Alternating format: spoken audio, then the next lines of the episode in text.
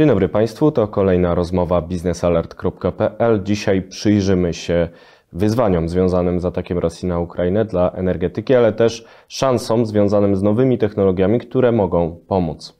Wiceprezes Hitachi Energy w Polsce Hubert Krukowski jest z nami. Dzień dobry. Dzień dobry panie dyrektorze, dzień dobry Państwu. Porozmawiamy o tych trendach, a zatem co zmieniła wojna na Ukrainie z punktu widzenia spółki zajmującej się nowymi technologiami w energetyce, jak Państwa? No, wojna e, na Ukrainie na pewno zmieniła postrzeganie generalnie e, tych priorytetów w energetyce. No, głównie zmieniły się priorytety e, w rozwoju energetyki w naszym kraju. No, takim pierwszym dosyć ważnym aspektem jest zyskanie na znaczeniu tego bezpieczeństwa energetycznego w rozumieniu, w rozumieniu suwerenności, niezależności energetycznej kraju. Tutaj głównym kierunkiem e, w, w, w tej kwestii myślę, że jest e, mm, po pierwsze dywersyfikacja źródeł wytwarzania e, oraz uniezależnienie się, może przede wszystkim uniezależnienie się od importu paliw kopalnych. Jak już doskonale wiemy, harmonogram naszego kraju w kontekście odchodzenia z węgla będzie musiał zostać zmieniony, bo, bo tym paliwem przejściowym pomiędzy e, węglem a OZE i atomem miał być gaz. No, w naszej części Europy. W naszej części Europy. To jest problem. Dokładnie tak. Wobec embarga, wobec, e, e, tak jak pan redaktor wspomniał, wzrostu cen tego, tego paliwa, musimy zrezygnować z tego etapu przejściowego albo potraktować go nie aż tak mocno, jak, jak, jak, zakładaliśmy w tym pierwszym planie, i przejść bezpośrednio z węgla na energetykę odnawialną i, y, i, i atom. Y, drugim takim aspektem, na który mocniej zaczęliśmy zwracać uwagę, jest cyberbezpieczeństwo. Wobec sytuacji cyfryzacji wielu gałęzi gospodarki, między innymi energetyki, zwiększenie tymi cyberatakami jest, e, jest bardzo duże, to ryzyko jest bardzo duże. No, energetyka jest taką gałęzią gospodarki strategiczną z punktu widzenia działalności czy społeczeństwa, czy, czy całego kraju. I, I w dużej mierze zautomatyzowaną. Także te obiekty energetyczne szczególnie narażone są na, na takie ataki. E, oczywiście jest to ważny aspekt e, również dla nas i tutaj liczymy na współpracę e, z inwestorami, z, z, ze spółkami dystrybucyjnymi czy przesyłowymi w kontekście zapewnienia bezpieczeństwa cyfrowego w, w, ich, w ich obiektach. Czy zatem należy rozumieć, że krótkoterminowo należy zmienić część założeń naszej polityki energetycznej, ale długoterminowo tak naprawdę nic się nie zmienia?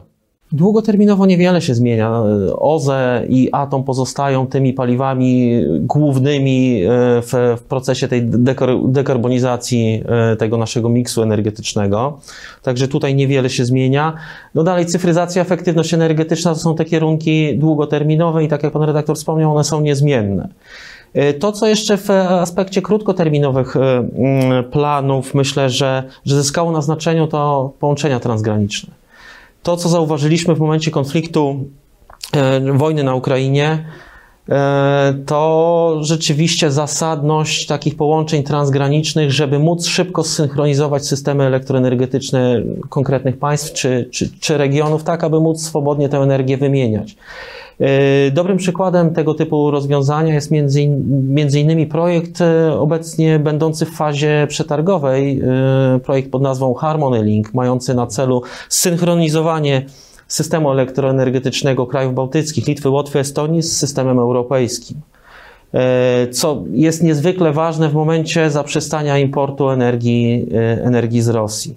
Y, technologią zastosowaną w przypadku tego projektu ma być przesył prądu stałego, HVDC. Y, tak zwany HVDC. Dokładnie tak. Jest to, jest to najlepsza technologia do przesyłu dużych mocy na znaczne odległości przy minimalnych stratach i przy minimalnym wpływie na środowisko naturalne. Także Także tutaj, tutaj jesteśmy też jako Hitachi Energy jednym z dostawców takiej technologii. Jest to technologia stale rozwijana i, i tutaj liczymy również na, na współpracę z, z, w, w tym zakresie.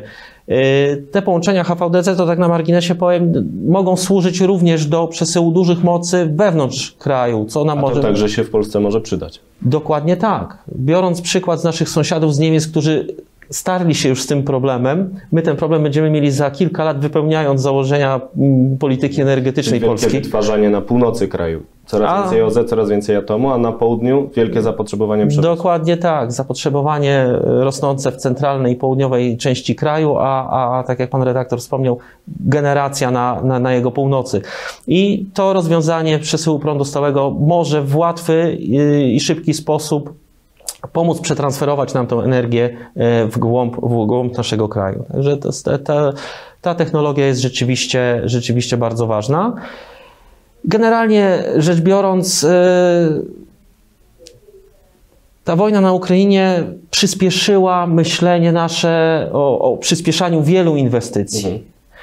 Niestety, w zderzeniu z obecną sytuacją, czyli z zachwianiem łańcucha dostaw, w wielu e, przypadkach zerwaniem tych łańcuchów dostaw, e, przyspieszenie tych inwestycji staje się niemożliwe. No, to, co, to, co obserwujemy, wzrost, e, ogromny wzrost cen towarów i, i, i usług, to, żeby dotrzymać tych planów, harmonogramów obecnie toczących się projektów, no będzie wymagało naprawdę dużej współpracy inwestorów e, z, z, z firmami wykonawczymi. I, I jesteśmy w takim trudnym momencie, aczkolwiek my jako firma no, staramy się e, wspierać inwestorów e, w tym zakresie, w realizacji ich i, i ich planów, bo tak jak powiedziałem, kumulacja inwestycji już nastąpiła. Czyli czas na rozstrzygnięcie. Czas na rozstrzygnięcia, dokładnie tak. Dziękuję bardzo panie prezesie. Proszę państwa, to była rozmowa z panem Hubertem Krukowskim, wiceprezesem Hitachi Energy w Polsce, o tym, jak nowe technologie mogą pomóc pomimo ataku Rosji na Ukrainę zapewnić bezpieczeństwo energetyczne w Polsce. Dziękuję bardzo panie prezesie. Dziękuję bardzo.